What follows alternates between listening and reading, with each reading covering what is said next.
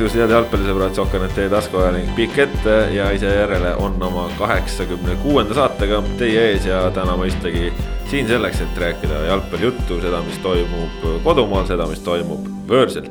minu nimi Kaspar Elissaar, täna siin minuga Kristjan Jaak Kangur. tere. ja Ott Järvela ka oma puhkuselt naasnud.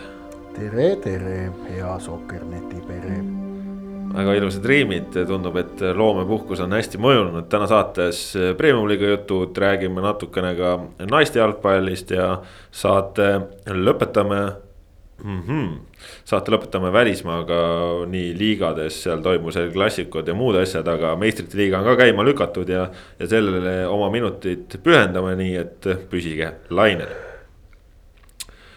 Premium-liiga nädalavahetuse kõige oodatum mäng oli pühapäeval ja see oli oodatud sellepärast, et vastamisi läksid Nõmme Kalju ja Paide linnameeskond, kes heitlevad väga pingsalt.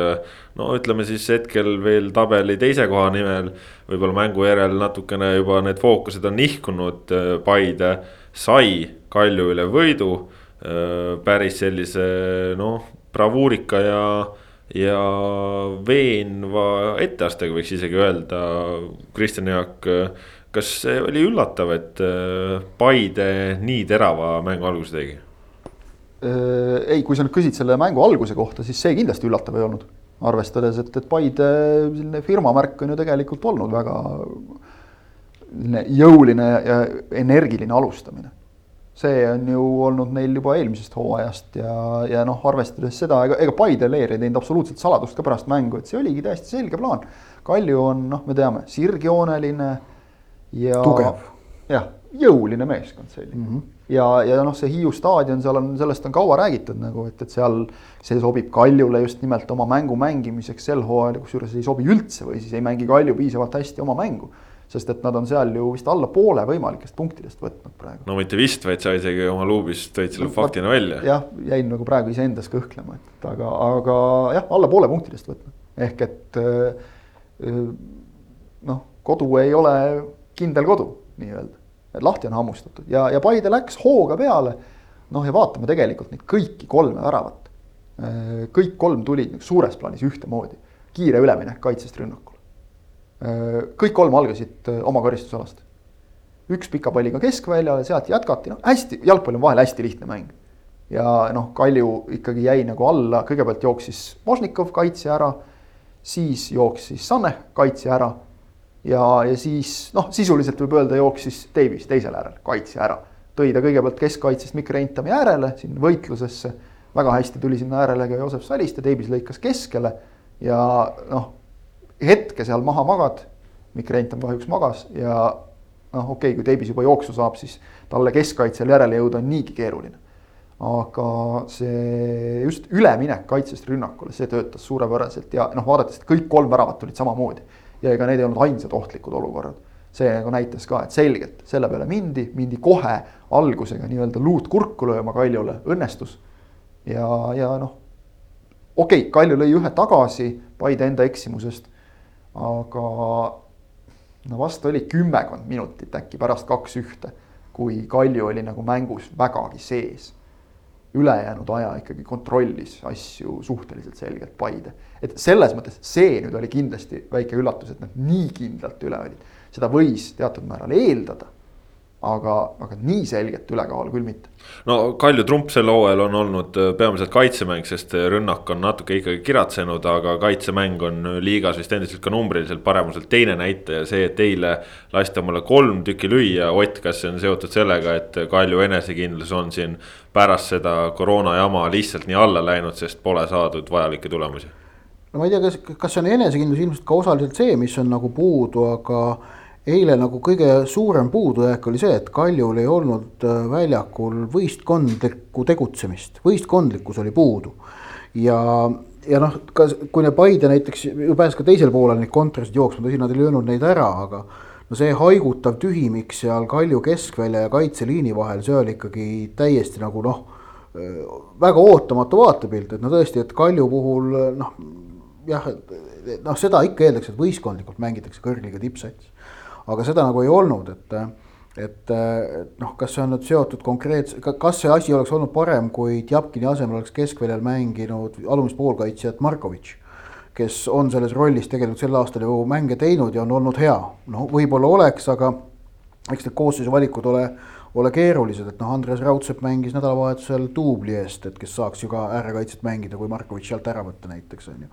et, et noh, noh see nagu oli üks mõte, mis mul tekkis, aga, aga teine asi veel nagu Kalju kaitsemängust rääkides, et. ma seda eilset mängu nägin siis niimoodi, et esimest poolega vaatasin telefonist äh, Hiiule minnes ja teist poolega koha peal ja teist poolega ma vaatasin selle väljaku poole peal, kuhu siis Paide ründas ehk et äh, sealt väraval, kus Meerit seisis.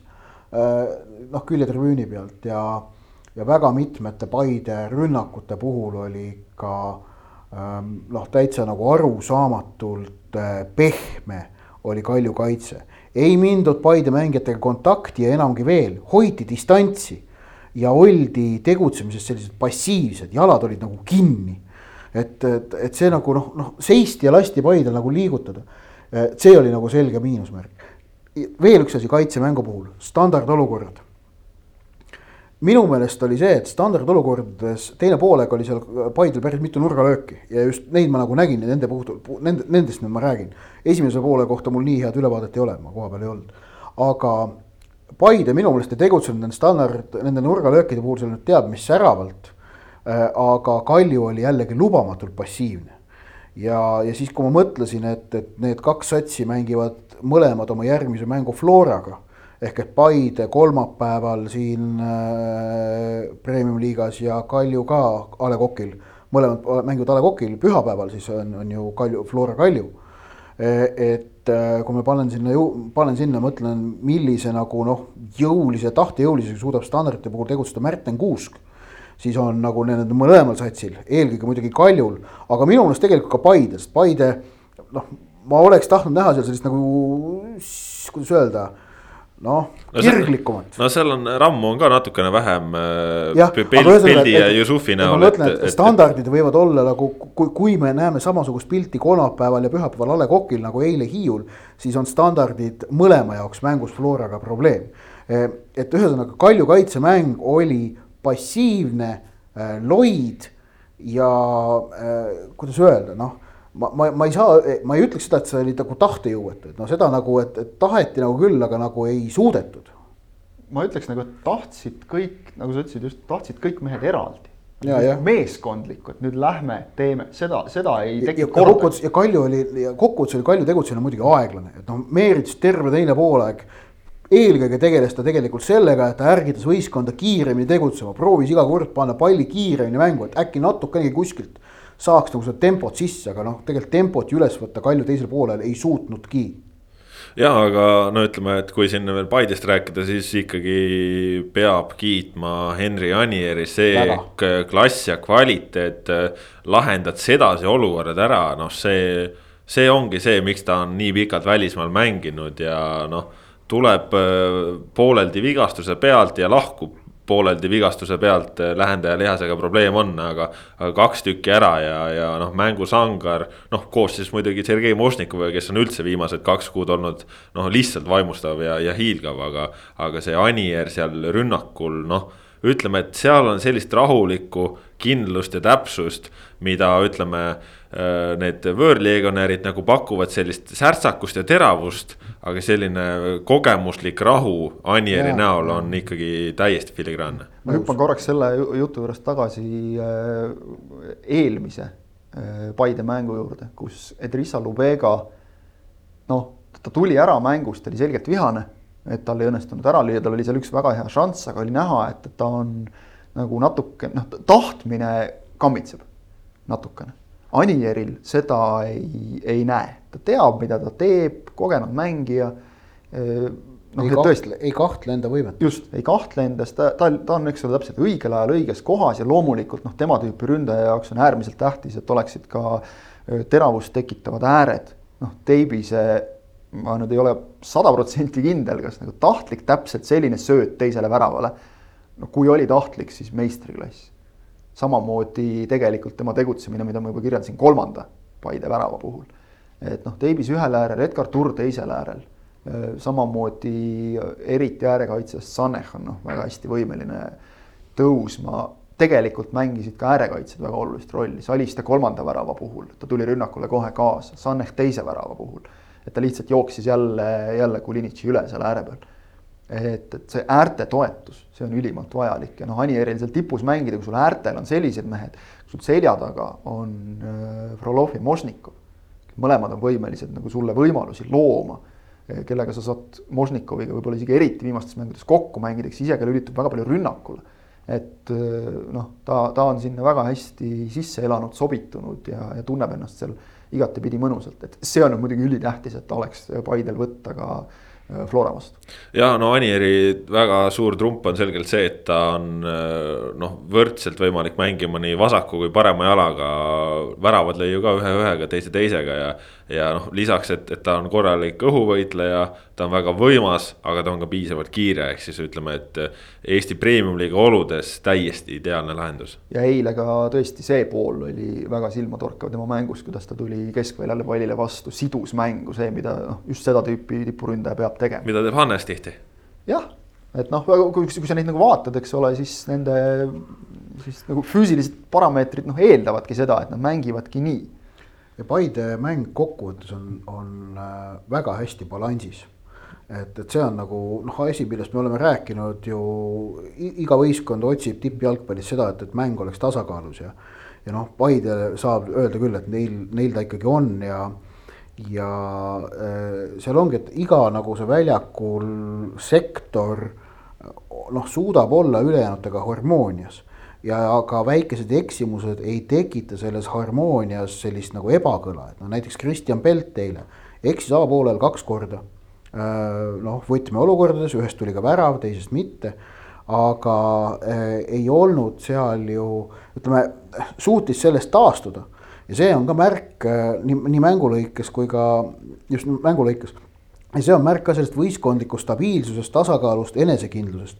et sellised asjad, sellised eksimused noorel keskkaitsjal ei löönud, noh, ei löönud teda verest välja, vaid tegi korrektiivid, teine poolaeg mängis korralikult. ja noh, kokkuvõttes on nagu, vaata noored mängijad ikka peavad kooliraha maksma. aga kui sa suudad kooliraha maksta mängudes kus sa ikkagi võt-, tippmängudes, kus sa ikkagi võtad võidu ära ja niimoodi, et maksad selle kooliraha ka ära. see on nagu eriti suur võit tegelikult mm. -hmm. et, et noh, et sealt saadi, eile saadi nii võit kui ka veel see, et Pelt sai noh, väga väärt õppetunnid on ju vaatasin eile, kui äh, Paide mängijad läksid, äh, läksid riietusruumi väljakult ära, noh, nad läksid täpselt sellise oleku ja hoiakuga, et nii peabki. me olemegi nii head, nii peabki olema ja kui rääkisin pärast mängu Slava Zahhovaikoga, siis ta rõhutas ka seda, oli nagu selgelt oli tema olekust aru saada, et ta naudib seda, mis, mismoodi asjad praegu on, et tegelikult see on ilmselt selline noh, iga treeneri unistus, nagu ta ütles ka, et andis nagu mõista, et ega ma ei pea mehi kuidagi nagu motiveerima ega, ega midagi sellist tegema, et see enesekindlus ja samas see pühendumine noh, nagu professionaalsus, loomulikult, kui sa üksteist mängu järjest võidad, siis see on nagu päris kerge tulema ka on ju aga see, et selle üheteistmängulise seeria sees on nüüd kaks võitu Levadia üle, võit Kalju üle. noh, neid no. seeriaid me võime muidu nagu kokku lugeda, aga et, et see mängijate ja, ja noh, need ongi nüüd need kogenud mängijad, kus sul on seal Možnikov, Anier, Frolov, eks ole, noh, Eesti liigas Mööl, kõik sellised kogenud mehed siis, siis sa võidki panna omale kaks noort keskkaitsjat ja, ja, ja, ja noored, noore ääreründaja, eks ole, Teibise näol eriti. Turil on natuke rohkem kogemust juba. et et, see, see meeskonna sisemine noh, soov ja tahe ennast nagu motiveerida. et, et see on nüüd üks põhjus, miks ma väga suure põnevusega ootan äh, kolmapäevast mängu, mul on kuradi ma kahju, et kolmapäeva peale on pandud nagu kaks väga head mängu ühele ajale arusaamatutel põhjustel. Kalju mängib Leegioniga karikamängu, mis on neile nüüd eriti selle mängu tulemuse valguses ülioluline. sest kui Kalju nüüd peaks ära andma ja tuletame meelde, nad ei ole Leegioni Hiiul veel võita suutnud, kaotus ja viik. kusjuures võiks vabalt olla ka kaks kaotust et, äh, et, et kui nad nüüd karika kaudu ei suuda endale jätkamist kindlustada, siis tegelikult libiseb see europääse veel natuke kaugemale ju. kolmandast kohast võib piisata, aga ei pruugi ja noh, teine hakkab ikka vägisi eest ära minema. tähendab, et, et, äh, et, et siis öelda niimoodi, et kui, kui Kalju jääb neljandaks ja kaotab karikas, siis nad järgmine aasta Euroopas ei mängi, kindel. siis on fakt. No, et, et aga, aga, aga tulles jah nagu, nagu selle juurde, et äh, see Flora. sama mäng... võib öelda Muskal Levadia kohta. Muidugi kehtib ka. Jah. aga ütleme nii, et, et noh, Levadia on, eks see, kumb neist kahest neljandaks jääb. Seda, et nüüd Paide, juba edasi. seda, et Paide neljandaks jääb, ma ei usu. ta võib jääda, lasta emma-kumma neist mööda, aga mõlemat ma ei usu. see ei tundu absoluutselt realistlik, kui vaadata nagu nende kolme meeskonna noh, praegust mängupilti. sest see eeldab Paidelt väga palju libastumisi ja, ja mõlemalt noh, täiuslikke esitusi suhteliselt, arvestades, et tipud mängivad omavahel viimases ringis, see ei tundu reaalne. aga, aga ma, ma ootan väga suure põnevusega, et Paidel ei ole tegelikult Flora vastu mitte midagi kaotada. Kaotad, vahe on äh, seitse. no, no mis siis jä- jälitavatega, no mis siis, mis seal ikka juhtub sellest, aga võidad, vahe on kümme. noh, Tiitel ja Flora, need on eest läinud, see on selge, aga võidad ja vahe on kümme. see võiks küll nagu päris magus motivatsioon olla. no ja, ühesõnaga sul, Kangur, on isiklikku traagikat kolmapäeval palju, sest sina mõlemat mängu vaadata ei saa, ei saa ka mina, ei saa ka Ott, aga selle vastu kõik äh, Sokkerneti jälgijad saavad, sest mõlemad mängud otsepildis Sokkernetis nähtavad, nii et. äh, palju õnne teile. vaadake lustiks, aga üks asi ma lisan siia lõppu, tegelikult Paidel oli ka kõvasti õnne. ja me teame, et õnn soosib tugevamaid, aga, aga need Mait Toomi esimese poole ja söödueksimused noh, oleksid võinud halvemal päeval maksta väga kurjalt kätte. aga nagu Ott ka rääkis, siis oli hea näha, et ka tegelikult need eksimused ei löönud Toomi verest välja, vaid jätkati oma mänguga, olid noh ütleme, et ikkagi fopaalaadsed asjad olid, aga, aga seal nii palju seda vaimutugevust võistkonnas oli, et, et suurt pilti see ei muutnud. aga nii palju sellest mängust, läheme edasi Transi ja Levadia kohtumise juurde, Levadia sai siis Transiga mängida ka pühapäeval, oleks esialgu pidanud mängima nädala äh, päeva võrra varem, ehk siis laupäeval, aga kuna Transil oli nädala keskel Flora mäng, mis oli lükatud seoses selle armeenlaste jamaga. siis see mäng toimus pühapäeval ja Levadia tuleb äh, Narvast tagasi kaks-üks võiduga, kus mõlemad väravad löödi penaltitest ja võib-olla seal kõige enam kõneainet ongi pakkunud just seal natukene see kohtuniku töö, nii et äh, Ott Järvela, mis äh, hinnangu seal nendele võtmeotsustele sina kui ikkagi äh, tunnustatud saalihoki kohtunik annad? tegin eile selle hooaja esimese mängu saalihoki meistrivõistlustel. isegi fototõestus on, on mu Saalihokiliidu kodulehel olemas selle kohta. mitu eemaldamist jagasid? Üks, üks, üks karistus tuli mängu jooksul, rohkem, rohkem ei tulnudki, täitsa vahva mäng oli. aga. kohe näha, et mõnel oli puhkus. ja, jah, aga ja see Translevadia lühidalt, esimene penalti, nii palju kui mina seda kordust vaatasin, igati õige, Matrossov läheb jalga sisse ja noh, viga teine penalti, ma ei, ütleme väga keeruline on aru saada, miks see käega mäng seal veaks vilistati, et kui see. kui see video pealt jääb nagu mulje selli-, tähendab video pealt jäi mulle mulje, et see käsi oli nagu normaalses asendis. ja äh, karistamiseks põhjus puudus. ja penalti kordamine siis äh, video pealt vaadates paistab, et väike rikkumine oli. Äh, nüüd on lihtsalt maitse küsimus, kas selliseid asju kui varri ei ole, kuivõrd palju seda on vaja lubada, kuivõrd palju mitte. arvestades, et see penalti oli väga-väga kahtlane, siis äh, ma arvan, et äh, kogenum äärekohtunik seda teist rikkumist fikseerinud ei oleks. seda Matrossovi siis joonelt ära minemist jah, seal noh, tõesti joonelt liikumine oli, aga see noh, ma ütlen. reegel ütleb, et löögi hetkel peab olema väravahi emb-kumb jalg, jalg joone kohal. mitte joone peal, vaid joone kohal piisab ka jah, ma ütlen, ma ise selle reegli nagu väga suur fänn ei ole, sest noh, ole, ma, ma saan aru tõesti, kui Matrossov oleks seal meetri jagu ees, aga me või noh, ütleme, et video põhjal me räägime seal, ma ei tea, maksimaalselt viis, kümme senti äkki, äkki jah. aga seal on. minu meelest on sealt nagu näha, et kand on täpselt nagu sa ütlesid, joone, noh, võib-olla joone kohal. ei, minu meelest ei ole, ma, ma mingi stopp-kaadri omas Youtube'is, tähendab Youtube'is proovis sain kätte, et on natukene väljas. napid ees okay., aga, aga mis nagu. aga noh, samas see, nagu, mis, see on kaamera nurga alt, mis on ju väljaku kesk, keskkonnas. ma olen sellega nõus, et kuniks meil nagu varri ei ole, et, et sealt noh, niimoodi joone pealt vaadata, siis see on natuke sihuke tibe tee nagu. ja aga, aga küll, aga mis nagu noh, siit nagu nüüd õppetund siis on see, et, et mida ma siin vist ka selles saates kunagi ammu, mõned nädalad tagasi mainisin ju, et, et oli näha, et kui, kuidas Manuel Neuer tõrjus hispaanlaste penalti oli vist Rahvuste Liigas septembris äkki või, või nüüd? Nad vist mängisid küll millalgi jah. aga ma ei mäleta, noh et mul võib näide valesti meeles olla, aga, aga see oli see, kus oli, kus nagu väga hästi näha, kuidas nagu mõned maailma tippväravaid on selle reegli nüüd, kus sa, kus piisab sellest, et oled joone kohal ühe jalaga. Et selle, selle toel töötanud välja penalti tõrjumistehnika enda jaoks. ehk et see, kuidas sa sinna tõrjesse hüppad, ükskõik kummale poole.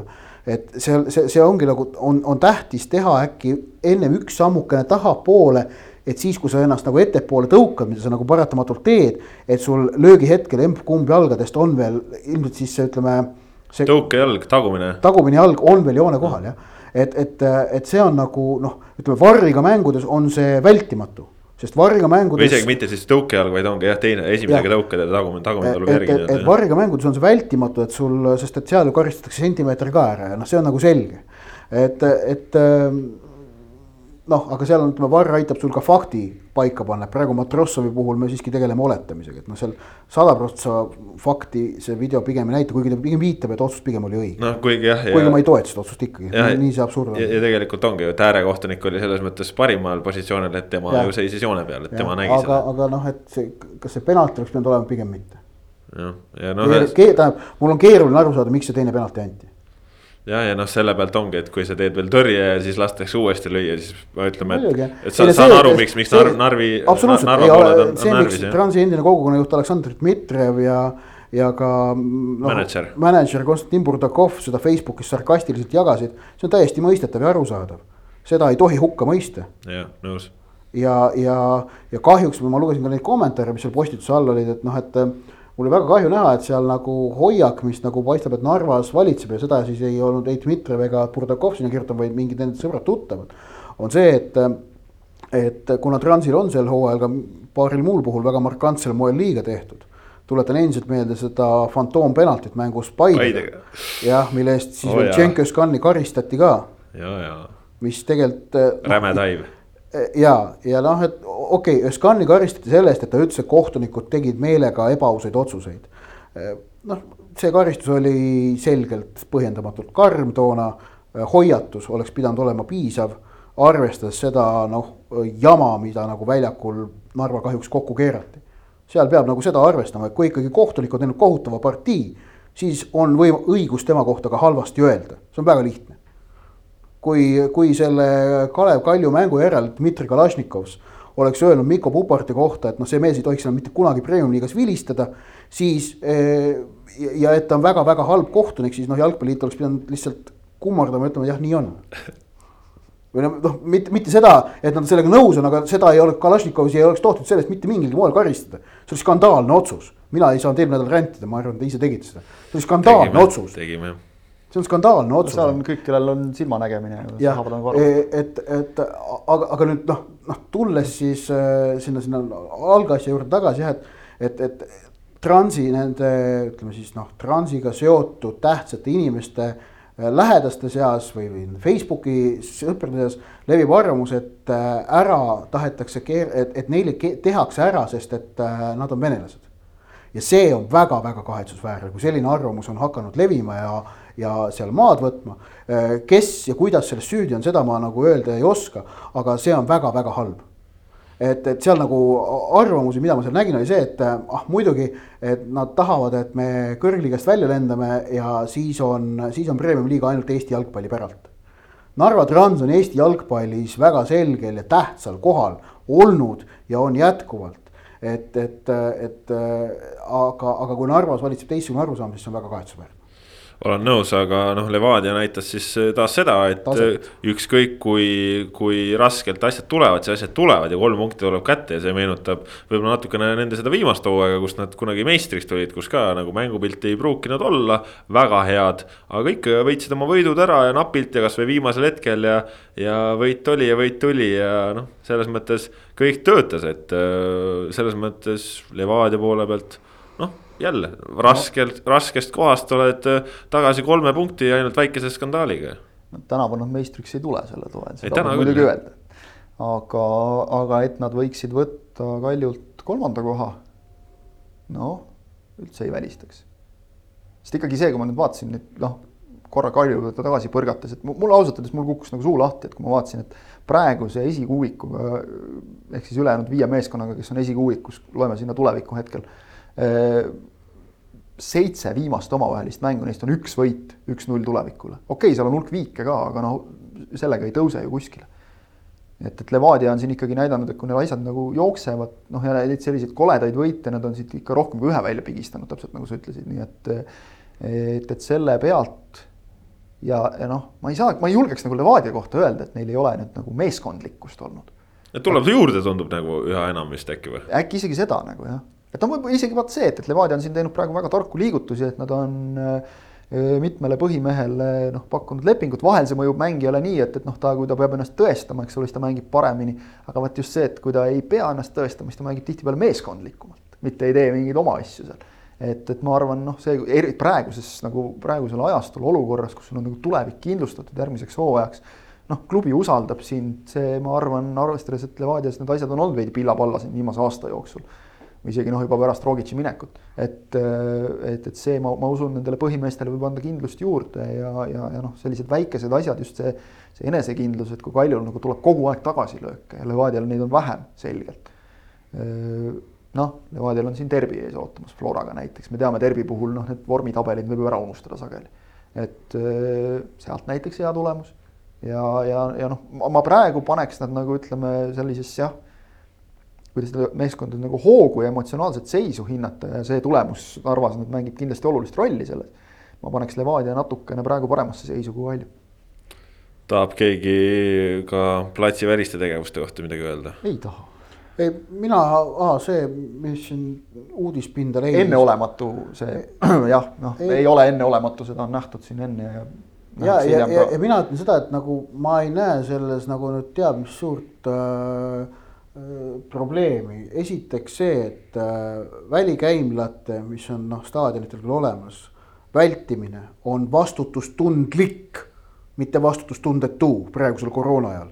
eriti premium-liiga jalgpalluritele, äh, kelle suhtes kehtivad selles mõttes nagu väga selgelt kõrgendatud ju ootused ja nõudmised kõiki premium-liiga jalgpallureid ju on siin ikkagi mitu korda ja nüüdseks juba testitud ja noh, kohe, kui ühes võistkonnas tekib üks positiivne juhtum, see paneb tervele on ju liigale põntsu, nagu me oleme siin ka juba näinud paar korda. ja ma rõhutaks siinkohal ka seda, et ega need, ega nad nüüd igal pool olemas ka ei ole niimoodi. okei okay,, jah, ja noh, okei okay,, muidugi oleks põhimõtteliselt võinud minna riietusruumi äh,. aga noh, ütleme vahetusmängijad, aga kui sul läheb vaja seda vahetusmängijat vaja seal väljaku kõrval, et noh, et see nagu noh, jah, et ühesõnaga pseudoteema. ma ütleks nii, et noh, ilus ei ole loomulikult. aga kui, kui ma nagu loen siin sellist nagu dra dramaatilist lähenemist, et nüüd kõik olid šokeeritud, siis miskipärast, kui samasuguse teoga oleks hakkama saanud mõni transi dressis mängija, siis ma kahtlen, et publik oleks olnud sama šokeeritud ja noh, nõudnud, ma ei tea, avalikku tähelepanu sellele olukorrale ja mida kõike veel, nii et, et natukene selline. no ei ole ilus, aga natukene on selles asjas nagu mingit topeltmoraali ja mulle isiklikult see väga ei istu nojah, see on, äh, ütleme nii, et äh, jah, ta, ta ilus ei ole, aga, aga on ju ka spordialasid, kus äh, ütleme sporti tehes tuleb. ja ei no kuule, Leemann on oluliselt suurema publiku hulga ees nagu ka ajanud asja ära. no rääkimata maratoonaritest ja ratturitest ja nii edasi, on ju. see nagu jah, selles mõttes olen Otiga nõus, et nagu pseudoteemasi nii suureks puhuda, et kuskile mingite portaalide esiuudiseks lükata seda, noh, see on sihuke. vabandan halva kalambuuri pärast, aga kollane ajakirjandus. jah, ja läheme siit edasi jalgpalliga, Tulevik Tammeka pidasid sihukese Lõuna-Eesti derbi, mis oli ka derbi moodi. Tammek võitis üks-null, tõusis tabelis mööda tulevikust ja ühtlasi kindlustas omale koha kuue seas, nii et eh, kui siin pikalt eh, oleme rääkinud, kas keegi suudab Tammekat kinni püüda, siis nüüd Tammeka on kahe nädalavahetusega saanud nii soodsad tulemused enda jaoks, et olukord on väga hea ja, ja võib-olla, mis selle mängu siis märkimisväärsem sündmus oli, oli seal mängu lõpuosas sihuke ikka no kähmlus, catch, rüselus, punased kaardid lendasid, kõva andmine no alustaks sellest, et äh, Tammeka mängis tuleviku üle selles mängus. ja, et räägime mängust kõigepealt, mäng, mäng nagu... oli ka päris hea ja tihe tegelikult. jah, sihuke korralik derbi nagu selles mõttes, et äh, ja noh, nagu korralikus derbis ikka, siis lõpus läheb löömaks ka. aga aga mis, mis derbi ta muidu on, eks. aga Tammeka oli parem lihtsalt tulevikul noh, ei, ei jookse praegu asjad üleliia hästi ja, ja, ja noh, seekord ei saanud nagu ka väga puudujate taha pugeda. et, et Nõmm oli olemas, noh, Marin oli tagasi. ei, ei sujunud ja, ja Tammeka on mingi mõnusa sellise jälle mineku leidnud, et, et noh. no said oma koduvõidu kätte, nüüd ja, on ju koduvõidu, kõik teed valla. just, said oma selle Tamme staadioni võidu kätte ja, ja noh, see ka, kuidas nad selle said, eks ole, et sa tuled null kahe pealt välja neli kahe peale.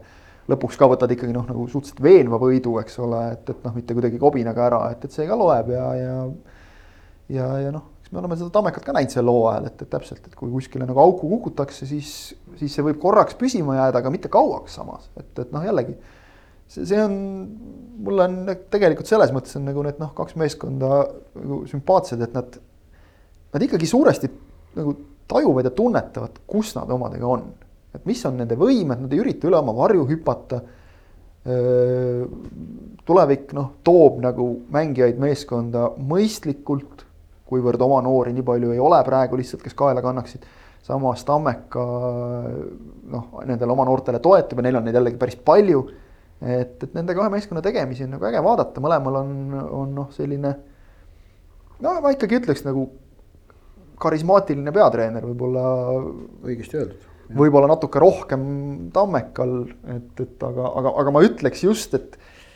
Et nagu mingil määral äkki jääb ikkagi sinna peatreeneri tegemiste taha nagu viimasel ajal tulevikul asi seda on jube, jube lihtne on siit nagu öelda, et a la stiilis Sander Post on süüdi, noh, ei ole süüdi, kaugel sellest aga, aga ütleme nii, et Kaido Koppel on minu meelest suutnud ja suut-, ütleme siis suutis selles mängus nagu oma meestest natuke rohkem välja pigistada. ma vaatasin äh, Tammeka eelmise hooaja saldo täpsustuseks üle, et see oli kolmekümne kuue mänguga nelikümmend üheksa punkti ja viies koht. No viienda koha soosikud on nad ka tänavu, äh, et äh, sest et noh, kuna nende vorm on hetkel nagu selgelt ikkagi parem kui tulevik ja nad kahekesti viienda-kuue noh, tähendab tuleviku asemel võib sinna veel keegi teine ka tõusta, aga noh, pigem on ikkagi Tammeka tulevik kahekesti viienda-kuuenda ära jagavad. et noh, Tammekal, ma annan Tammekale eelise.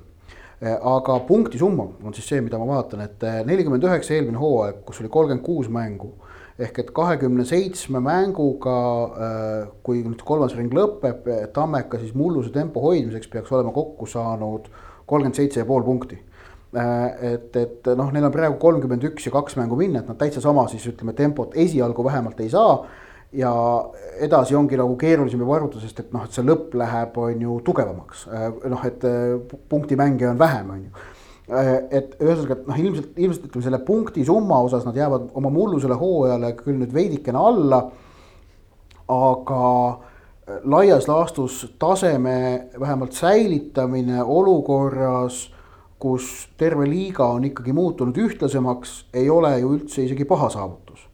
Äh, noh, kas see palju, kas see tartlasi endid rahuldab, see on omaette teema, et kas äh, noh, kindlasti üks asi, mis neid, ma usun, häirib, on see, et nad ei ole suutnud tänavu ju no kui eelmine aasta nad olid kindlad tegelikult tabeli selle viimase nelikuga, ei, olid või ei olnud?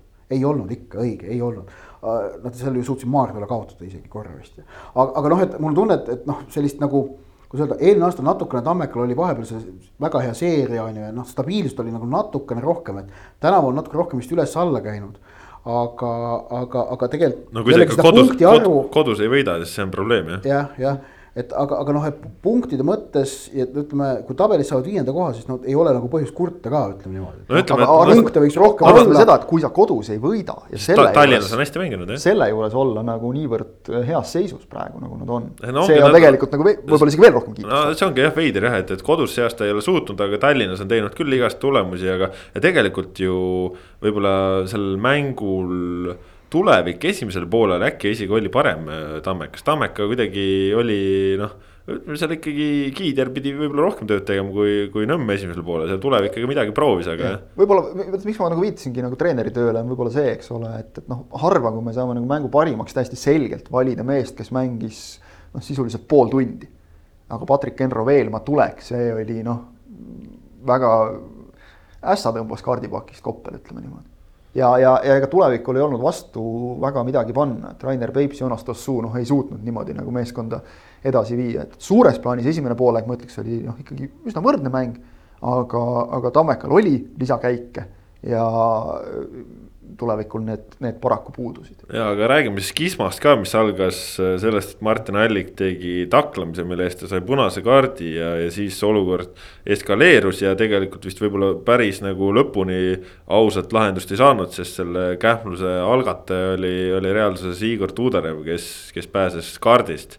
ja Tuudarev algatas siis selle sellega, et ta hüppas äh, allikule no ikka normaalse õlamüksuga selga ja, ja sealt siis läks nagu kähmlemiseks, et äh, mis seal äh, hinnangud on, äh, kes kui hästi tegutses ja, ja mis no, no kes, kes väga halvasti tegutses, oli Allik loomulikult, et see oli, see oli selge punane kaart, seal ei ole nagu mitte midagi arutada, et ja noh, ega seda nagu mitte keegi vist, ma arvan, ta ise ka nagu ei vaidlustanud, ta oli tegelikult noh, ta oli nagu valmis juba lahkuma väljakult ja siis läksid Tammeka mehed plõksima temaga, noh, seal on ka, ka alati see koht, et noh, kui sa lähed, teed nagu siukse jõulise vea, siis noh, korgid ees, et siis võib nagu seda eeldada, et otse öeldes, et sinuga tullakse mölisema.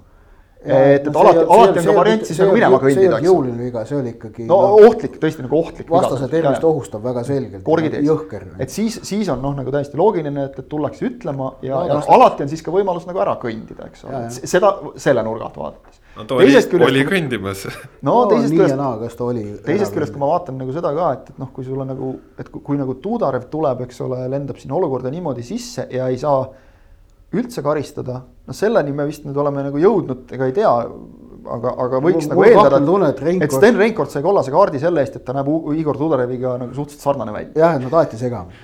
et see, see noh, on vist, vist, lihtsalt nii ongi. oli nii jah see noh, noh, nad on tõesti. Nagu... Reinkord ei teinud seal ikka noh, peaaegu mitte midagi. ikka mitte midagi minu meelest. jah, et ilmselt kaardita jäi, kes oleks pidanud kaardi saama, on, oli vist Kevin Aaloe.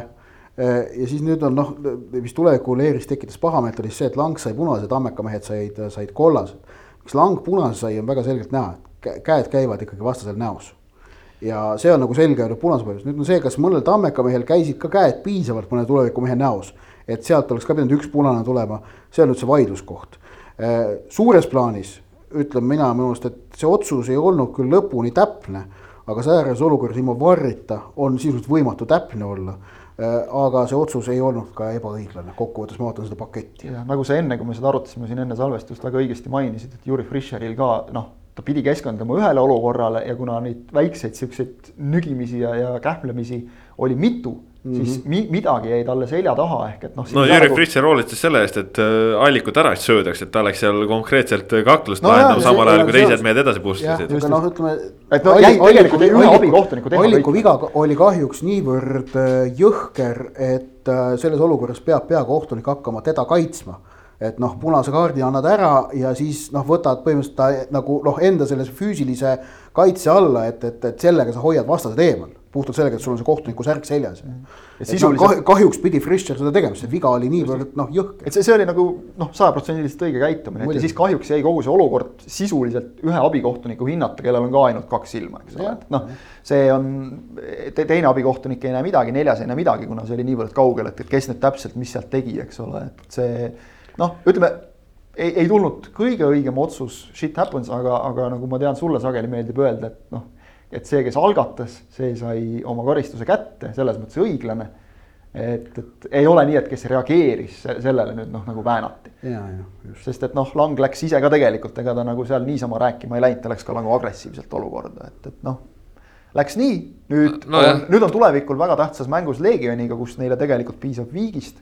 noh, sisuliselt piisab viigist, et omal omal see kuues koht ikkagi kindlustada, nüüd on kaks ülimalt tähtsat meest puudu ja noh, me teame, et, et. ega nad kollastega ei jäänud kellestki ilma veel. ega neil pink liiga pikk ei ole, vot seda ma praegu peast ei ütle. no Tammeka läks igatahes hästi, et, et noh, Aalo ja Tuudarev võib-olla mingil päeval ka Paju seal kehasse hüppamised, need siuksed asjad. Äh, jah võiksid mingi nurga alt olla. ütleme jah, et seal, seal oli õnne et.... ei, see Paju asi on kollane täiesti adekvaatne, ei ole mitte midagi enamat ei, aga ta ei saanud ju kollast. Paju sai kollast no,. sai ikkagi kusjuures ah,, okay. ma just vaatasin okay. praegu ise ka, et, et ta ikkagi sai, nii et, et selles, selles mõttes nagu õige no,. siis, siis see oli okei okay, jah. jah, aga ma vaatan, vaatan praegu vastuseks su küsimusele, et, et kollased kaardid on ainult Roosalul ja Marinil ja kummalgi mängukeeldu sellega ei tule, nii et vähemalt mm. -hmm vähemalt selles mõttes ei ole hullu, aga noh, arvestades, et ka Herol on vigastatud, eks ole, et, et noh, siis lihtne ei tule see mäng, Leegion no, läheb Aero praegu väga liigub veits ikkagi paremuse suunas oma tervisega. Aga no tulevikul tegelikult Näis. ikkagi noh, tulevikul on noh, mängudest Leegioni ja Kaleviga vaja noh, kahte punkti saada, et kõik oleks täiesti kindel, et, et noh, tegelikult ei tohiks nagu midagi väga hullu olla, noh kõik tulevikul selles mõttes esikuuikuga, et noh, kõik on nende enda kätes. no e-, esikuuikuga on selles mõttes ju noh, Leegion peaks ikkagi väga kõva andmist tegema, et. Leegion peab võtma kuus punkti ja tulevik, äh, ma ei tea, kus äh,, tulevik on korra Leegionil kaotanud järjelt. ei, aga kas kuuest piisab, punkti vahe suurem ei ole või, mäletan valesti. punkti vahe on viis punkti praegu. Kui Leegion võtab kahest mängust kuus punkti, siis peab tulevik võtma vähemalt kaks. tulevik ise ei saanud punkte, see tegi olukorra jah et siis peab tulevik äh, Kalevit võitma, et kuue hulka olla mm. -hmm. ehk et Leegion pääseb kuue hulka ainult niimoodi, et nad võidavad mõlemad mängud ja tulevik äh, ei saa Kalevist jagu. noh, Leegion igatahes heas hoos äh, nädalavahetusel ka no kui niimoodi öelda, uhkelt siis Kadrioru staadioni derbis alistasid Tallinna Kalevi kaks-null et äh, seal Andreev näitas, et äh, noh ebareaalne, see mees lihtsalt lööb väravaid. ja, ja Vnukov ka kaugelt seal ehmatas äh, Valneri natukene ära ja, ja oli ka olemas ja, ja noh, tegelikult seal oli selle nurga alt ka kõvasti õnne, et äh, mõlema Leegioni värava eel siis äh, Kalevi kaitsjad ise panid peaga palli ette, mis andis õnne. samas, kuidas Kalevil ei olnud õnne, et seal Londak oli pudistamas joone pealt, võttis ära ja, ja seal veel mingeid asju võttis ära, et ütleme, et tegelikult võimaluste poolest oleks mäng võinud ka teistsuguse tulemuse saada, aga no Leegion on praegu ikkagi ikkagi tõusnud mingisugusesse seisu ja sügist on mängitud väga ilusti, Deniss Belov ju ka möödunud kuu parim treener autasu poolest, nii et. mis neil nüüd on siis, neil on viimasest kuuest mängu, Paidele kaotati kuuest mängust kolm võitu, kaks viiki, üks kaotus. peaks nii olema, et, et no. Pole halb seeria. Pole paha, vaadates, kuidas alustati, eks ole. ega Belov ütles mulle, ma mäletan vist Paide mängu järel temaga rääkisin, siis ta ütles ka, et nüüd juba kripeldab see, et oleks hooaja alguses pidanud niimoodi mängima. Aga noh, see on hea näide, et sa võid tulla küll heade meestega ja kõik, aga see võtab aega kõik. nüüd on klapp käes, nüüd on, eks ole, Andreev korralikult sisse elanud ja samas muidugi täpselt nagu sa õigesti ütlesid, et noh, see on ka natukene see Kalevi hooaeg, et. Äh, Valner, kes on muidu väga hästi mänginud sel hooajal, no mitte kõige paremini ei tõrjunud seda Vnukovi lööki. ei no see oli ikka Valneri viga no,, tõrjus posti kaudu sisse. jah, posti põrkest sisse ja samas Londakule läheb pall küljelt Londakul läbi, posti põrkest tuleb, veereb vindiga mööda joont, nii et Londak saab selle üles korjata see, see on tegelikult sentimeetrite küsimused, eks ole, et kas pall põrkab postist tagasi väljakule ja on null-null või, või et ta põrkab sisse ja on, on Kalevi värav. et äh, aga, aga teisest küljest täpselt nagu sa ütlesid, et mõlemad väravad olid sellised, kus Leegionil nagu söötjat kirja ei läinud, sellepärast et Kalevi mehed ise mängisid lihtsalt palli vastasele ette esimest korda puhtaks lüües, teist korda see kaitsest kuskilt sügavalt. Kohtunovitš pani, tegelikult pani päris hea püstsõidu. ja, aga, aga, aga no keskkaitse peab sellega hakkama saama, seal mulle tundus, et kahel keskkaitsjal oli ka mingi kommunikatsiooni error, et, et noh, oleks võib-olla isegi võinud seal kaaslasele jätta, kes oleks minema löönud või. või, või mida iganes teha või noh, kui sa seal lähed mängima, sa pead puhtaks lööma, ei viskas nagu klassikud ütlevad, kiilaka pealt lutsu ja siis oli Andreevil ees ja seal noh. no seal jah, võib-olla Siilil loeng oleks juba päästnud no.. võib-olla jah, et noh, Andreev seal lahendab nagu kinnisilmi selliseid olukordi, eks ole, et, sellisele mehele ei saa niisugusi anda. aga noh, Leegioni mäng on, on enesekindel, ma küll vaatasin mängu alguses oli üks olukord, kus oli vana hea Leegion oli tagasi nii-öelda, nurgalöök oli neil eh, ja siis ootamatult nurgalöögist, kui mängiti kastijoone pealt pall ette Hannes Anierile, siis järsku oli Kalevil kaks-kaks rünnak. et noh Anier lahendas selle väga halvasti, aga, aga noh, ei vabandust, see oli ikka esimesel poolel jah. teisel poolel oli Anieril endal väga head võimalused, see oli Kalevi väga hea periood lüüa üks-üks, aga no täpselt see, et sa ei löö ära.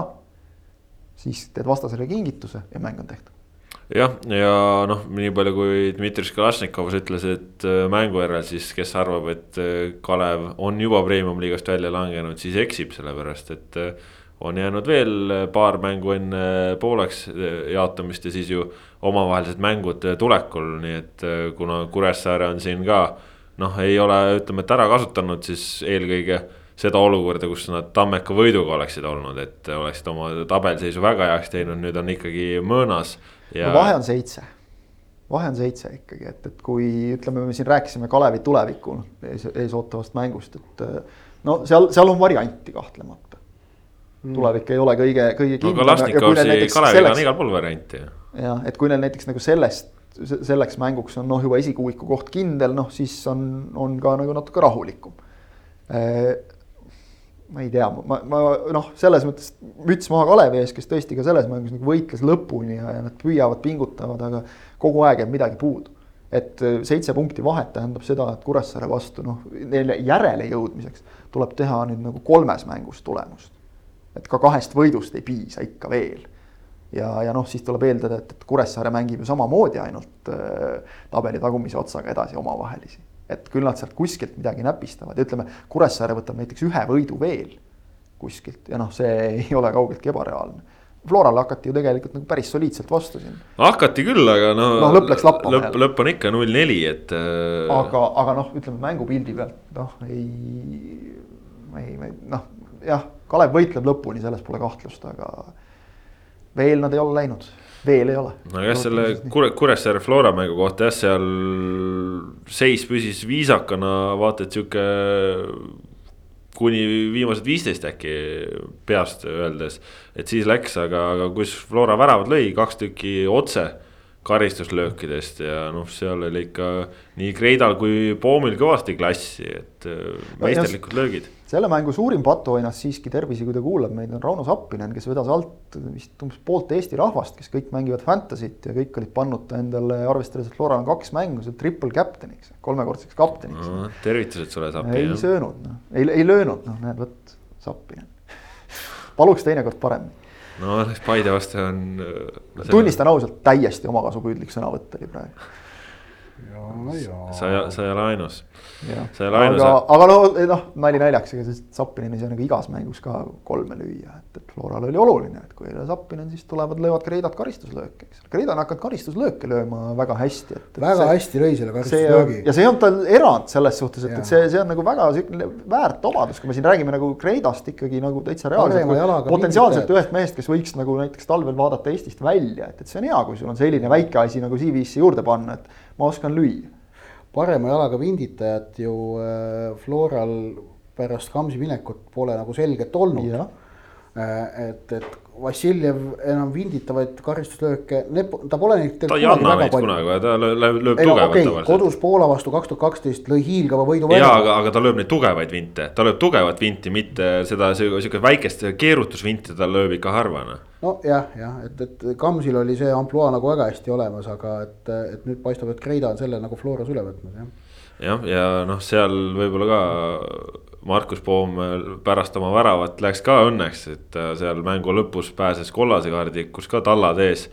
libistas seal ikka korralikult sisse ja noh, ütleme, et kuremehed väga rahul ei olnud, et seal kollane kaart tuli, aga no nii ta läks, nii ta Seekord läks. ega selle mängu kohta väga palju rohkem midagi öelda ei ole, jah. Vassiljev lõi ka värava ja vahetas, vahetas ründaja välja, näitas Sapinenile, kuidas. kuidas tehakse. No okei okay,, tõmbame premium liiga juttudele joone alla, sest tõesti, ega see mäng äh, jah, jah, jah, seal intriig oli. Flora järgmises no. mängus on intriigi tuntavalt rohkem, kui oli selles kohtumises ja lähme edasi. jah, Äh, räägime natukene naiste jalgpallist, Eesti naistekoondis äh, kohtus reede õhtul siis võõrsil Hollandiga. ja, ja seis jäi nii nagu jäi aastake tagasi Tallinnas, ehk siis null seitse kaotus. Noh, suures pildis tõenäoliselt enam-vähem ootuspärane tulemus. noh, hollandlased tegid seal suhteliselt, mida ise tahtsid, Eestil oli noh, ründetegevus puudulik, olematu. olid seal Euroopa meister, mullune mm hõbe. just, et äh, seal jah, nagu üllatust selle nurga alt ei olnud ja, ja ei õnnestunud ka üllatada. aga, aga üllatusi ikkagi naiste koondisega seoses selles mõttes tuli, et nüüd äh, teisipäeval, homme oleks Eesti naistekoondis pidanud mängima A Le Coq Arena'l ka siis valikmängu Sloveeniaga ja noh, koduväljakul võib ikka ju igasuguseid asju juhtuda, aga, aga seda mängu ei toimu praegu, sellepärast et Sloveenia, kes tuli just ise Venemaalt. No jõudis Tallinnasse laupäeval, siis tehti koroonatestid ja, ja selgus, et kakskümmend kaks inimest sealt on koroona positiivsed kupatati hotelli ja, ja sealt kohe Sloveeniasse tagasi, et Sloveenias on praegu väga suur koroonaprobleem üleüldse ja, ja nüüd selle tulemus on siis see, et Eesti naiskond ei saagi teisipäeval väljakule joosta. Ja, ja noh, kui ütleme mingi nurga alt meeste tasandil on UEFA asju aeg-ajalt lahendanud sedasi, et, et kui sul on kolmteist mängijat, siis mängid, kui ei ole, siis kaotad. Sloveenial vist ei olnud seda ka, mul on tunne. et, et et, no, et kui sa, kui sa ei mängi, siis sa saad kaotuse kirja, aga naiste jalgpallis praegu kuidagi on solidaarsem see suhtumine. seal on väga lihtne põhjus, esiteks on see, et, et tähendab, kui neil oli kakskümmend kaks äh, positiivset delegatsioonis, siis on kahtlane, kas neil oleks olnud kolmteist mängijat, teiseks. mis oleks võinud, mis oleks võinud anda ju justkui nagu. teiseks, nad tulid Venemaalt, mis tähendab, et äh, kogu see sats oli, kes ei olnud positiivsed, olid lähikontaktsed Eesti seaduste mõttes. Neil ei olnud, äh, neil ei olnud lubatud mitte midagi muud teha, kui minna lennujaama minema siit ei, seda küll. ja, ja siis kolmandaks, aga mis nüüd kõige tähtsam, et noh, et miks küsida, et miks naistes on see asi nagu, naiste jalgpallis on see asi noh, võib öelda, et leebem. siis ilmselgelt naiste jalgpallis ei ole ligilähedaseltki sarnast kalendrisurvet, nagu on meeste jalgpallis. et, et, et need asjad ei ole võrreldavad, et, et noh, meeste jalgpallis on ikkagi klubivõistluste klubivõistlused on juba sel hooajal ka kõik viimase vindi peale keeratud, ei ole varianti ka kuskil midagi mängida. ma uurisin täna hommikul, et mis nüüd sellest Eesti-Sloveenia mängust saab. ilmselt mängitakse veebruaris ehk et valiksari noh, tegelikult sisuliselt lõpeb valiksari juba küll ennem ära aga kuna noh, Eesti pool on kindlasti huvitatud, mäng toimuks, et noh, Eesti naiskonnale rahvusvaheline mäng ei ole vaja kolme punkti tabelisse, vaid on vaja naistele seda rahvusvahelist mängu. jah, aga noh, ütleme, et siis nii palju Eesti jaoks muutub halvasti, et kui praegu veel on hooaeg oma lõpusirgel, siis veebruaris käib hooaja ettevalmistus ja, ja selles mõttes tulebki no. hooaja ettevalmistusmäng noh jah, okei okay,, punkti või, võtmise võimalus on ilmselt väiksem. väga palju väiksem jah aga jällegi noh, vähemalt saab selle mängu kogemuse, et noh, tugevad rahvusvahelised mängud on Eesti naisjalgpallurite jaoks ju kõige suurem defitsiit üldse. aga veebruar ühtlasi tähendab siis, kui see jääb Eesti kodumänguks, mitte A Le Coq Arenat, vaid Sportland Arenat. Sportland Arena mängitakse detsembris Türgiga ka. ei no seda küll, aga lihtsalt nagu nais, naiskond saab nii harva mängida A Le Coq Arenal, et ja, see on lihtsalt. täname Vabariigi Valitsust selle suurepärase olukorra eest, et nad ei saanud seal mängida juba septembris. jah, seda küll ja igatahes äh, sihuke olukord on, aga, aga mis on siin äh, võib-olla huvitav, et kui. Sloveenia käis äh, Venemaaga mängimas Venemaal ja, ja oli siis seal väga koroonarohke, siis see tegelikult võib tähendada et keegi ka Venemaa koondislastest võis seda koroonat omale juurde saada ja, ja miks see meie jaoks oluline on, oluline on see, et FC Flora naiskond peaks mängima kolmandal, neljandal novembril äh, Moskva CSKA-ga meistrite liiga kohtumist võõrsil. Äh, ja Moskva CSKA naiskond koosneb peamiselt Venemaa koondislastest. ehk siis, kui siit nüüd see koroona kuidagi levima läheks, ütleme, et ka venelannadele siis see võib äh, isegi siin olukorda veel huvitavamaks teha, et noh. selge on see, et koondislastega Moskva CSKA on Flora vastu hirm kõva soosik ja võib-olla kõige raskem loos, mida üldse saada oleks võinud, aga, aga kui siin nüüd see koroona teeb tempe.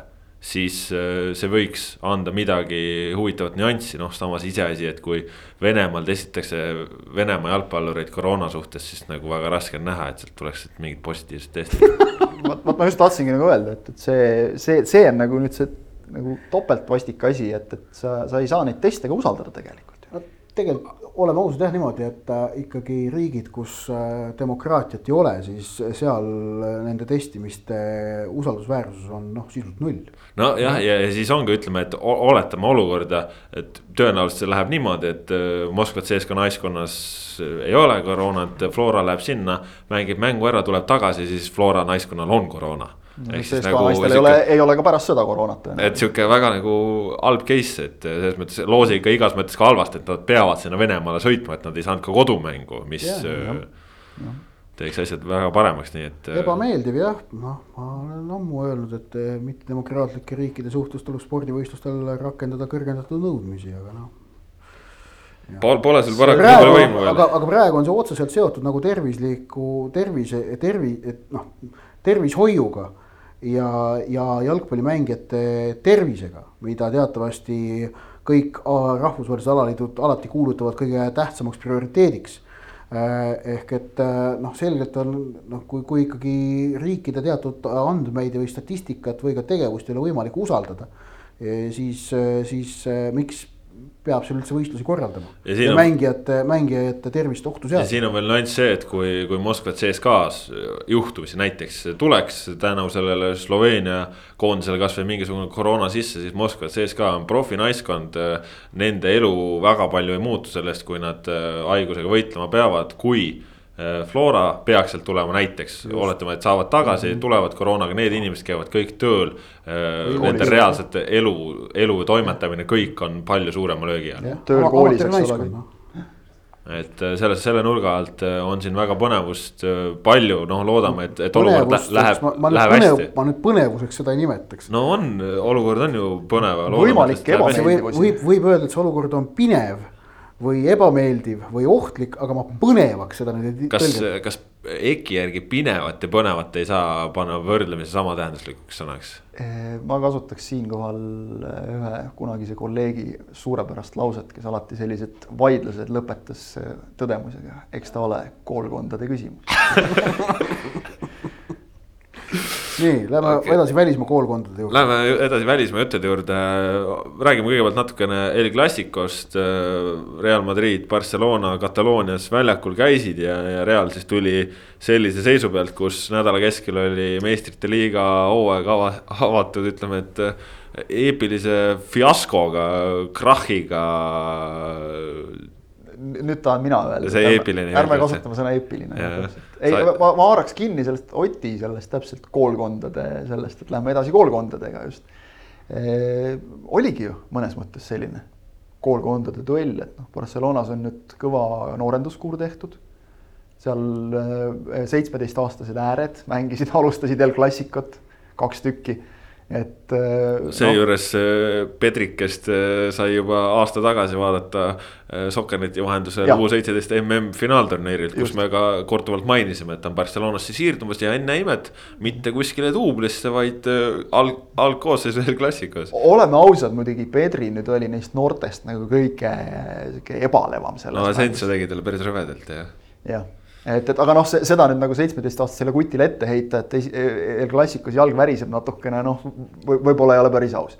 Äh, samas noh, vaatad, eks ole, mida Ansu Fati tegi, samas Ansu Fati oli sisuliselt eelmisel hooajal noh, sisuliselt Barcelona põhimängija. et, et seal on. no sel aastal on ta number üks mängija eespool no, Lionel Messit.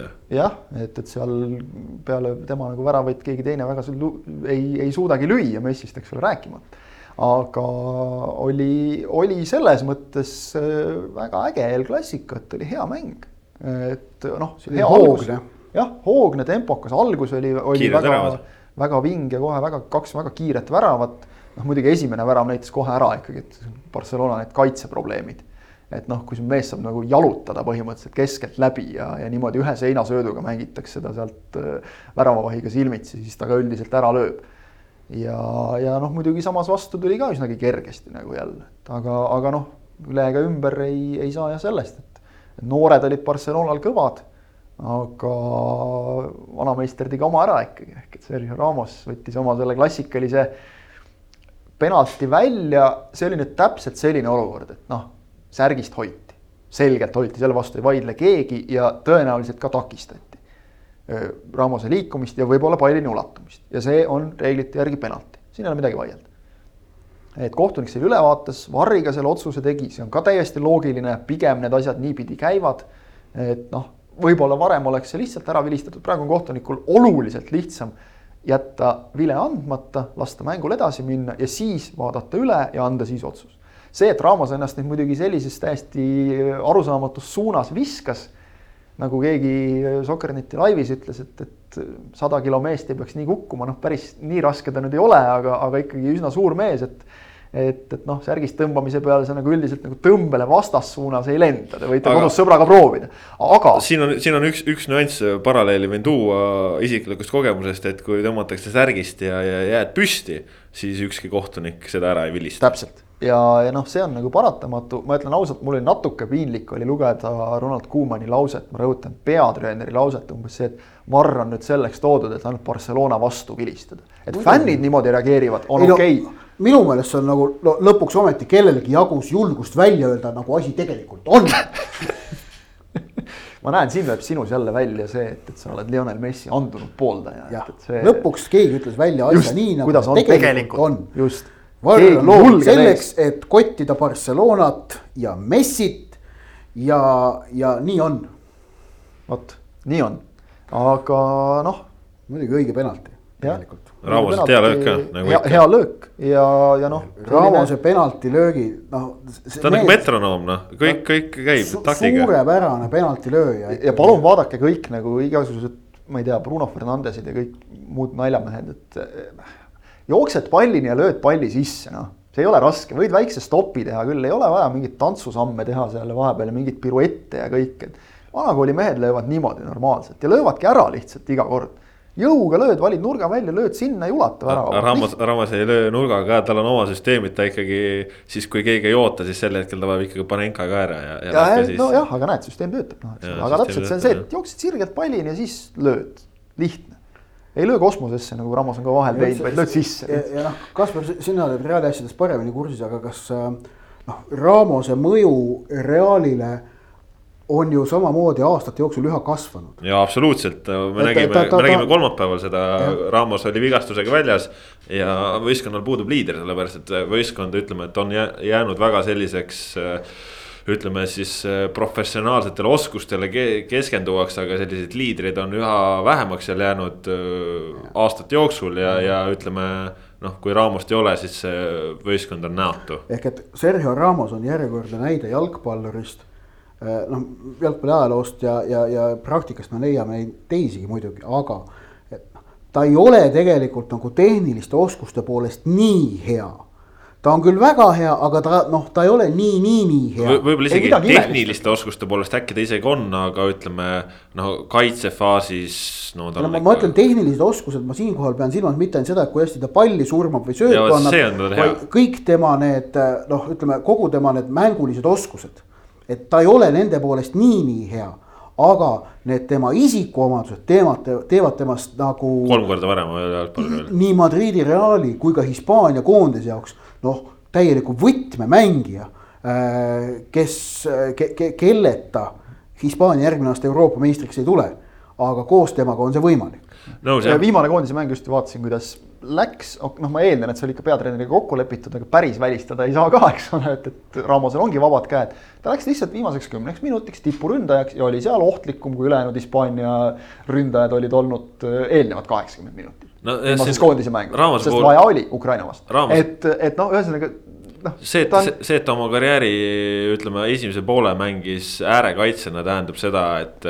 et tema, tema on sellest põlvkonnast, kus tuli neid tsenderdusi alla kruttida. tal on selle pealt väga korralik jalg tekkinud ja, ja noh, praegu, et ta on Realis äh, penaltilööja, üks asi, ta on Hispaania koondises penaltilööja. aga ta on ka standardolukordade peal kõik, mis on need keerutuspallid, need Vladislav Kreida kohad. Need on ka Ramos omad ja, ja ta lööb need ära, et äh, aga, aga noh, ja noh, lisaks veel see, et ta lööb peaga ära kõik pallid, mis üldse antakse et noh, see on ka täitsa ebareaalne suurus, et seal isegi Märten Kuusk kahvatub, on ju.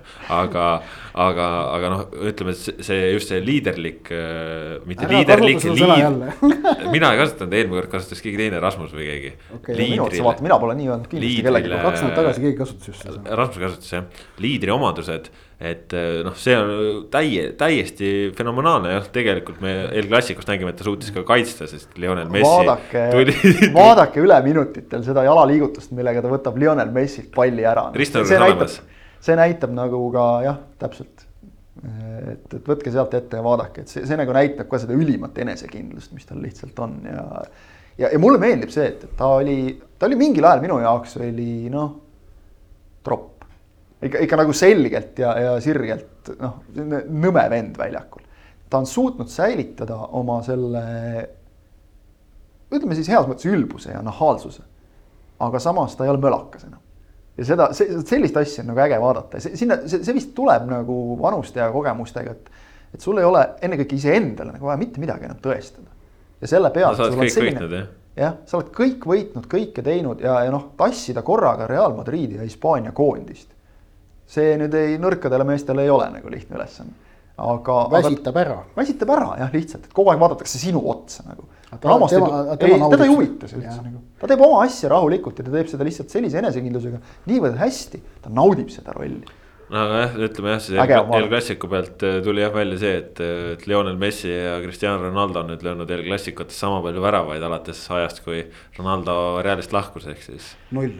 Null see on et... muidugi eriti mõttetu statistika jah, aga noh, kõige mõttetumad on alati kõige lõbusamad. ja seda küll jah. aga, aga muidugi jah, Barcelonal ütleme, et, et tuleb pikk hooaeg tuleb, tuleb pikk ja raske hooaeg, sest et noh, Messi on praegu nüüd ta alustas nagu väga hästi, aga ärme unustame ikkagi seda, et, et noh, ta on ju no, lahkuja. Selgelt täiesti, osadele põhitegijatele nüüd pakuti uued lepingud, eks ole, pikendati nendega, talle oli ka võimalus tegelikult hoolimata kogu sellest jandist.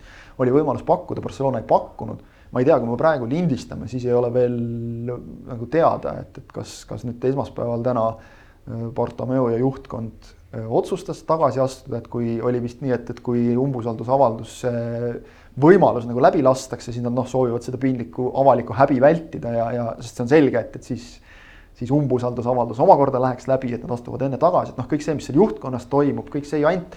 ma lihtsalt tahaks nagu öelda ka see, et Kuumann pärast sellist mängu nagu ajab sellist juttu, noh, see ei ole see jutt, mida ajada selle koha peal ütled, et okei okay,, jäime alla, noored kutid olid kõvad, paneme edasi, raske hooaeg, eks ole, sulandame siin uusi vanu mehi, eks ole.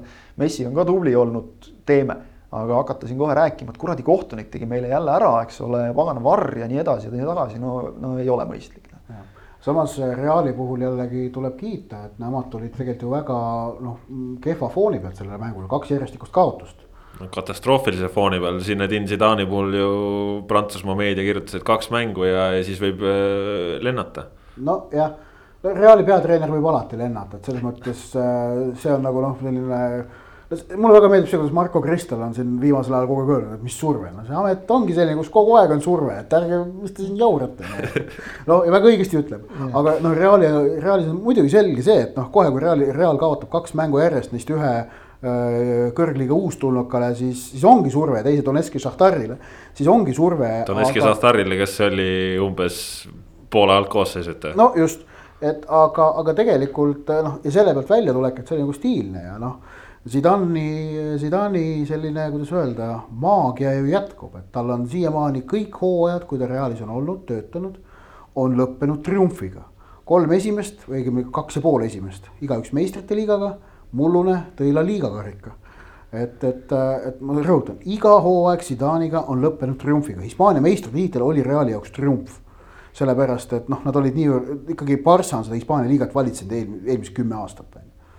Et äh, selles mõttes noh, ikkagi väga fenomenaalne treener absoluutselt, aga, aga läheme edasi muude välismaa juttudega, sellepärast et ikkagi see, mida me oleme siin mitu nädalat rääkinud, kehtib edasi ka üllatustulemusi tuleb igal pool, kaotas nüüd isegi Inglismaal selline noh, ikkagi tippklubi nagu Everton.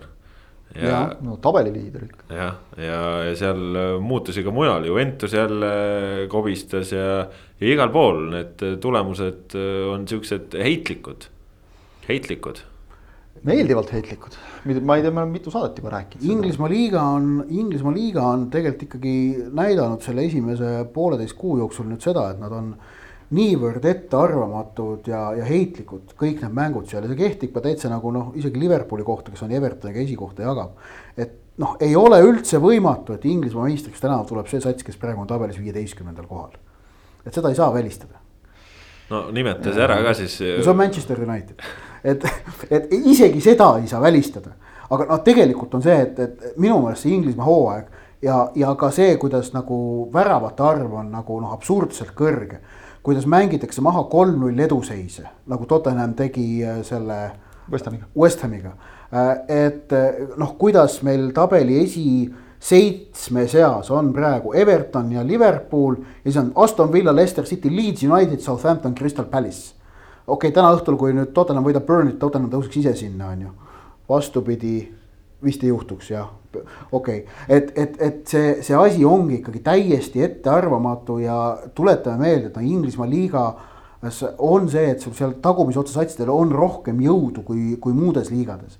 puhtalt, sest nad on rikkamad, on ju see, see, see supp on seal nii meeldivalt segane et mitte milleski ei saa kindel olla. Man City no täiesti no järjekordne viik on ju noh, et ei, ei, lihtsalt ei suutnudki enam, ega nad ei väärinud ka sealt otseselt võitu selles mängus, nagu ütleksin ma niimoodi. ja, ja no. nädalavahetus on minu jaoks, nii palju kui ma Inglise liiga mänge jõudsin vaadata. noh, okei okay,, Lesteri võit Arsenali üle selline eht lesterlik. nojah. aga kõige meeldejäävam esitus tuli reede õhtul Leeds Unitedilt see oli vägev. Leeds versus Aston Villa ja, ja see ikkagi, mis asja Pielsa on selle meeskonnaga teinud mm., ärge kandke maha. Aston Villa selle hooaja noh, tõesti ja kusjuures mitte nagu kobinaga sinna neli võitu järjest võtnud mm. ja, ja esimeseks jäänud meeskond, vaid väga hästi mänginud. kolm mängu taga nulli hoidnud ja siis äh, üks oli see, kus Liverpoolil õnnestus neile ka kaks tükki vastu lüüa, eks ole yeah.. ja, ja seitse välja võtsid, et väga hästi mänginud meeskond tõmmati täiesti ribadeks mm -hmm. täiesti ribadeks ja, ja, ja see on noh, ma ütleks nagu vaadake Leedsi mänge, kui te saate. ja see on. vaadake ja nautige va ja vaadake just, ärge vaadake selle pilguga, et kui mitu väravat nad löövad, vaadake ja. seda taktikalist mängu ülesehitust. aga, aga noh, ja siis üks mäng veel, et oligi see Man United Chelsea null-null mäng, et noh, Chelsea'le nädala jooksul kaks null-null viiki äh, meistrite liigas oli Sevillaga null. Sevillaga jah, Sevilla on siis äh, Hispaania äh, kõrgliigas praegu viie mängu järel kolmeteistkümnendal kohal Barcelona selja taga ja Valencia ees no Valencia no, hädad on muidugi, eks ole. aga see, noh, Man United Chelsea null-null, et, et äh, see mäng ei tekitanud kummaski rahulolu, aga minu meelest ma pakun lõpuni. aga tegelikult ikkagi mõlemale mingi rahulolu allikas Chelsea'l see, et nad tegid kaks mängu järjest, suutsid nüüd lõpuks ometi nagu värava puhtana hoida, et neil oli kaitse oli tegelikult suur probleem. ja Lampard kiitis seda juba pärast Sevilla mängu, et just, sest noh, Sevilla mängis hästi. just, et, et kui nad selle poole toimima saavad, siis on nagu noh, see küll, ütleme, see ründejõud, küll need väravad tulevad. noh, kui sul on seal ikkagi ees noh, Wernerid, Havertzid, äh, kõik muud vennad olemas, küll need väravad tulevad ja noh, Unitedi jaoks oli, on tegelikult ülioluline olnud see, et nad on suutnud pärast seda koondise pausile eelnenud üks-kuus kaotust on nad suutnud oma mängu ikkagi nagu käima saada, et nad, nad võitsid Newcastle'it neli-üks, nad võitsid võõrsil BSG-d kaks-üks, mis oli no, ülikõva tulemus. ja võitsid teenitult. ja, ja, ja see oli just nimelt, see oli teenitult võidetud, et see on väga-väga hea ja mõtestatud esitus. mängisid BSG üle tegelikult ja noh, nüüd see Chelsea'ga null-null, okei okay,, noh mänguliselt äkki kerge ülekaal ju oli. statistiliselt oli selgelt United parem, Chelsea tegi, no ma ikkagi ütleks selgelt, et Chelsea tegi vist raamidesse ühe löögi, kui ma ei eksi no,. Chelsea kohta ütles keegi väga hästi, et praegu on Lampardil on nagu lihtsad valikud suhteliselt, et tema, tema käe all, et, et kas, kas mängud lõpevad null-null või kolm-kolm, et noh, ilmselgelt null-null on mõistlikum valik hetkel, et et, et aga, no, on, natuke läheb aega, et ta nagu alustab sellest õigest otsast nii-öelda. aga noh, muidugi Unitedi kalendrist rääkides, siis enne, enne koondise pausi, noh, see on hiilgav kalender, et, et äh, esmalt nüüd meistrite liigas kodus Leipzig, siis Premis kodus Arsenal, siis meistrite liigas võõrsil Istanbuli Başakşehir ehk et noh, Istanbulis võõrsil on alati keeruline mängida ning enne koondise pausi viimane mäng on võõrsil äh, Evertoniga, et noh kaunis kalender, aga, aga noh, see, et sul ei ole seal, et ongi, et noh, Everton eelmise hooaja vist kaheksas või, see on nagu maru keeruline mäng, et see on nagu ka, ka äge. Evertonil praegu muidugi võib-olla ka mingid noh, selle viimase kaotuse põhjused, mitte väsimuse märgid, vaid ma arvan, et, et seal on päris mitu olulist meest on puudu. Richarlison sai punase mm -hmm. Liverpooli vastu. Seamus Coleman sai vigastada Liverpooli vastu. nüüd sai Lukas Dinje punase kaardi Southamptoni vastu. kusjuures nii Richarlisoni kui Dinja punased kaardid on kolm mängu. sest need on need, kui tõsi, tõsise vea punane kaart Inglismaal on otse kolm mängu. jah, et äh, ja noh, Kulmani vigastus tundus nagu pigem tõsine, ehk et, äh, et noh, sealt võib natukene kärisema hakata. aga, aga, aga muidugi, mis Unitedit puudutab, siis noh, neil on probleeme olnud just selliste meeskondadega nagu nüüd Chelsea mängupilt oli, et kes nagu ise väga rünnakul ei tüki ja vot siis nagu selle tagant lahti harutamisega on teatud mängudes olnud, olnud probleeme. aga noh, näiteks samas BSG vastu töötas nagu väga hästi, et, et, et äh, paned aga kontrate peale ja noh, nagu sa tead, et Pariisis nagu United mängimas käib, siis Rashford lööb lõpus ära ja on tehtud jälle. jah, aga, aga olukord Itaalias on ka selles mõttes huvitavaks läinud, et Juventus äh, kaotas nädalavahetusel jälle punkte, tegid äh, üks-üks viigi Hellas Veronaga ja, ja see tähendab, et Juventus, Pirlo Juventus on liigatabelis alles viiendal kohal. ja, ja tegelikult tabeli esimene on äh, Milan, kes mängib täna õhtul äh, AS Roomaga ja isegi kui nad kaotavad, nad jäävad ikka tabeli esimeseks ja, ja noh, Napoli on siin ka tulnud hoolimata sellest noh, fantoomkaotusest, mis neile Juventuse vastu määrati, sellest hoolimata nad ikka Juventusest tabelis eespool. ja Juventuse on ju ikkagi selle toel ikkagi nende selja taga, kolm punkti on võib-olla täitsa kuidagi valesti antud ja. ja Sassuolo on seal üllatust teinud, aga, aga noh, see Zlatan Ibrahimovitši Milan, nii et täna õhtul kindlasti, kel võimalik, tasub seda mängu Roomaga vaadata.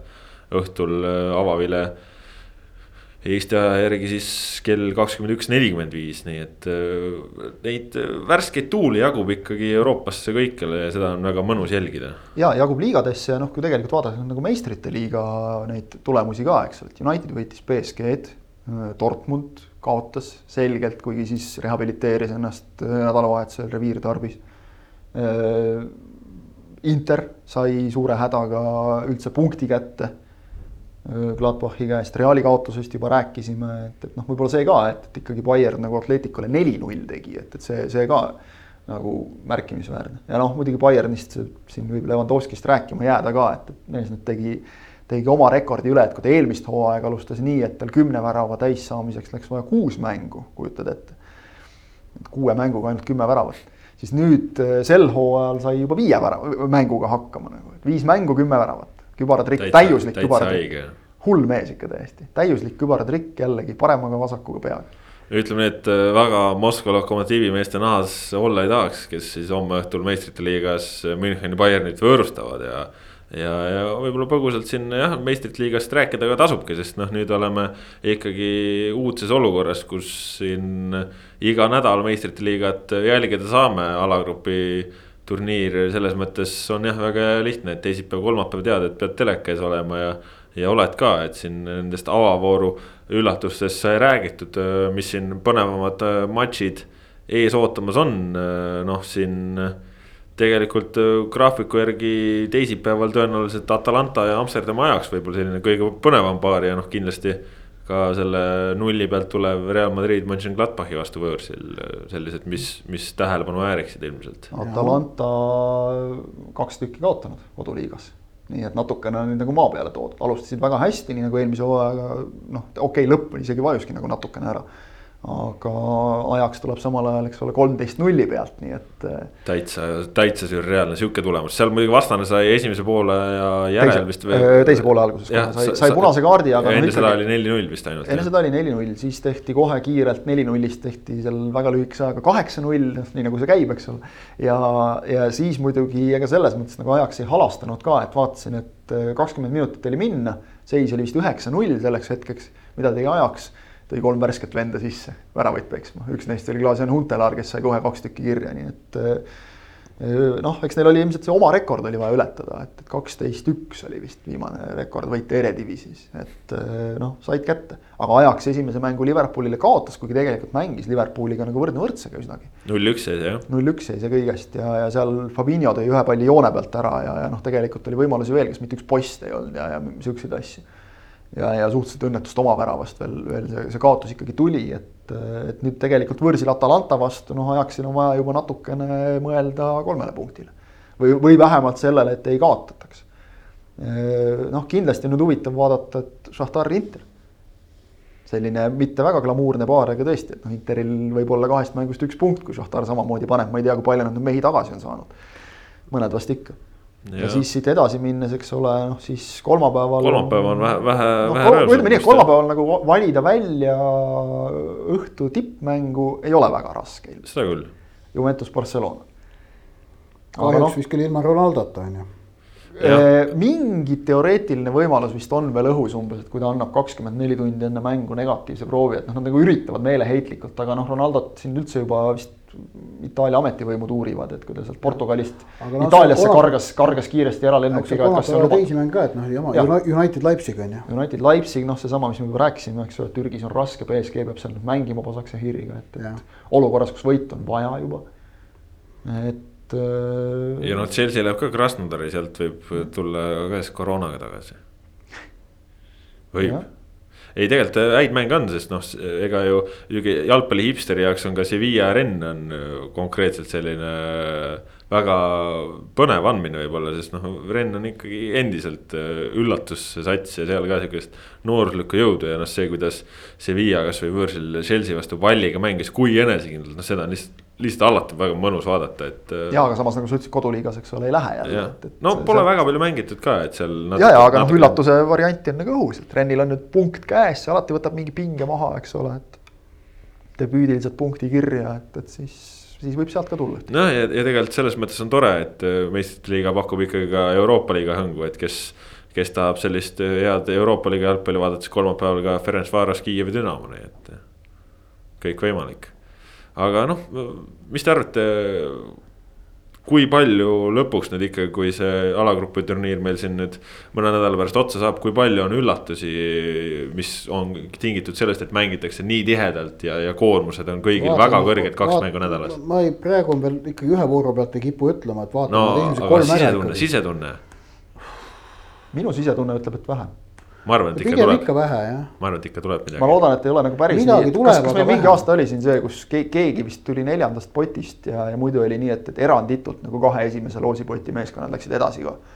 no ma et... eelmine aasta oli pull lihtsalt see, kuidas Atalanta kolm esimest mängu sai sarve ja. nojah, see noh, selliseid asju on alati, selle tõttu ongi, et isegi kolme vooru pealt ei saa nagu öelda, et ja. kõik matsid on maha, et okei okay,, et tore, et te seal Itaalias nagu teete, aga, aga, aga siin, siin on ikka teistmoodi, see on ikka Euroopa, vaat kui välja läksid lõpuks, eks ole et äh, jah, väga-väga raske on praegu hinnata, aga, aga kindlasti see mingil määral mõjutab, mingil määral mõjutab, et, et on äh, minu meelest, mida ikkagi nagu selgelt on näha kõikides liigades, et see tasemevahe on nagu kokku tõmmanud natukene. tippude ja, ja alumise otsa ja, ja kusjuures kõik eksivad. kõik eksivad päris palju. no isegi see, Bayern see on see hooaeg ju eksinud korra, on ju. ja, ja, ja ikkagi see on noh, nagu jäänud silma mänge vaadates, et, et et ka tippmeeskondade tippkaitseliinid eksivad päris palju. et noh, sealt ma arvan, tuleb nagu see just, et, et on, on üllatused rohkem õhus. et see, see, kui sa nagu jätad noh, ära löömata, aga enamasti on ju see ka, et ega seal tagumise otsa satsidel ei olegi nagu väga palju võimalusi need suurte vastu. aga nüüd on. ja kui sa noh, jällegi lööd ühe ära, siis suudad ise taga seal betoneerida natukene, eks ole, kaitsest lähtuvalt mängida, siis on võimalus võib-olla natuke suurem selle võrra, ma arvan, et see mõjutab. No igatahes saame näha, tõmbame tänaseks joone alla, vahepeal on äh, õues ka juba pimedaks läinud, alustasime lindistust äh, täitsa valges, nüüd on kott pime, eks siin on muidugi oma süü ka sellel kella keeramisel, mis on kahtlemata kõikidele eestlastele väga palju rõõmu hinge toonud, sest kellele ei meeldiks, kui kella viiest on ikkagi õues pime juba. mina olen kella keeramise veendunud toetaja ja leian, et see on hea ja mõistlik tegevus selge, jää oma veendumuse juurde, selline oli. ma kordaks seda mõttetera, et eks see ole koolkondade küsimus.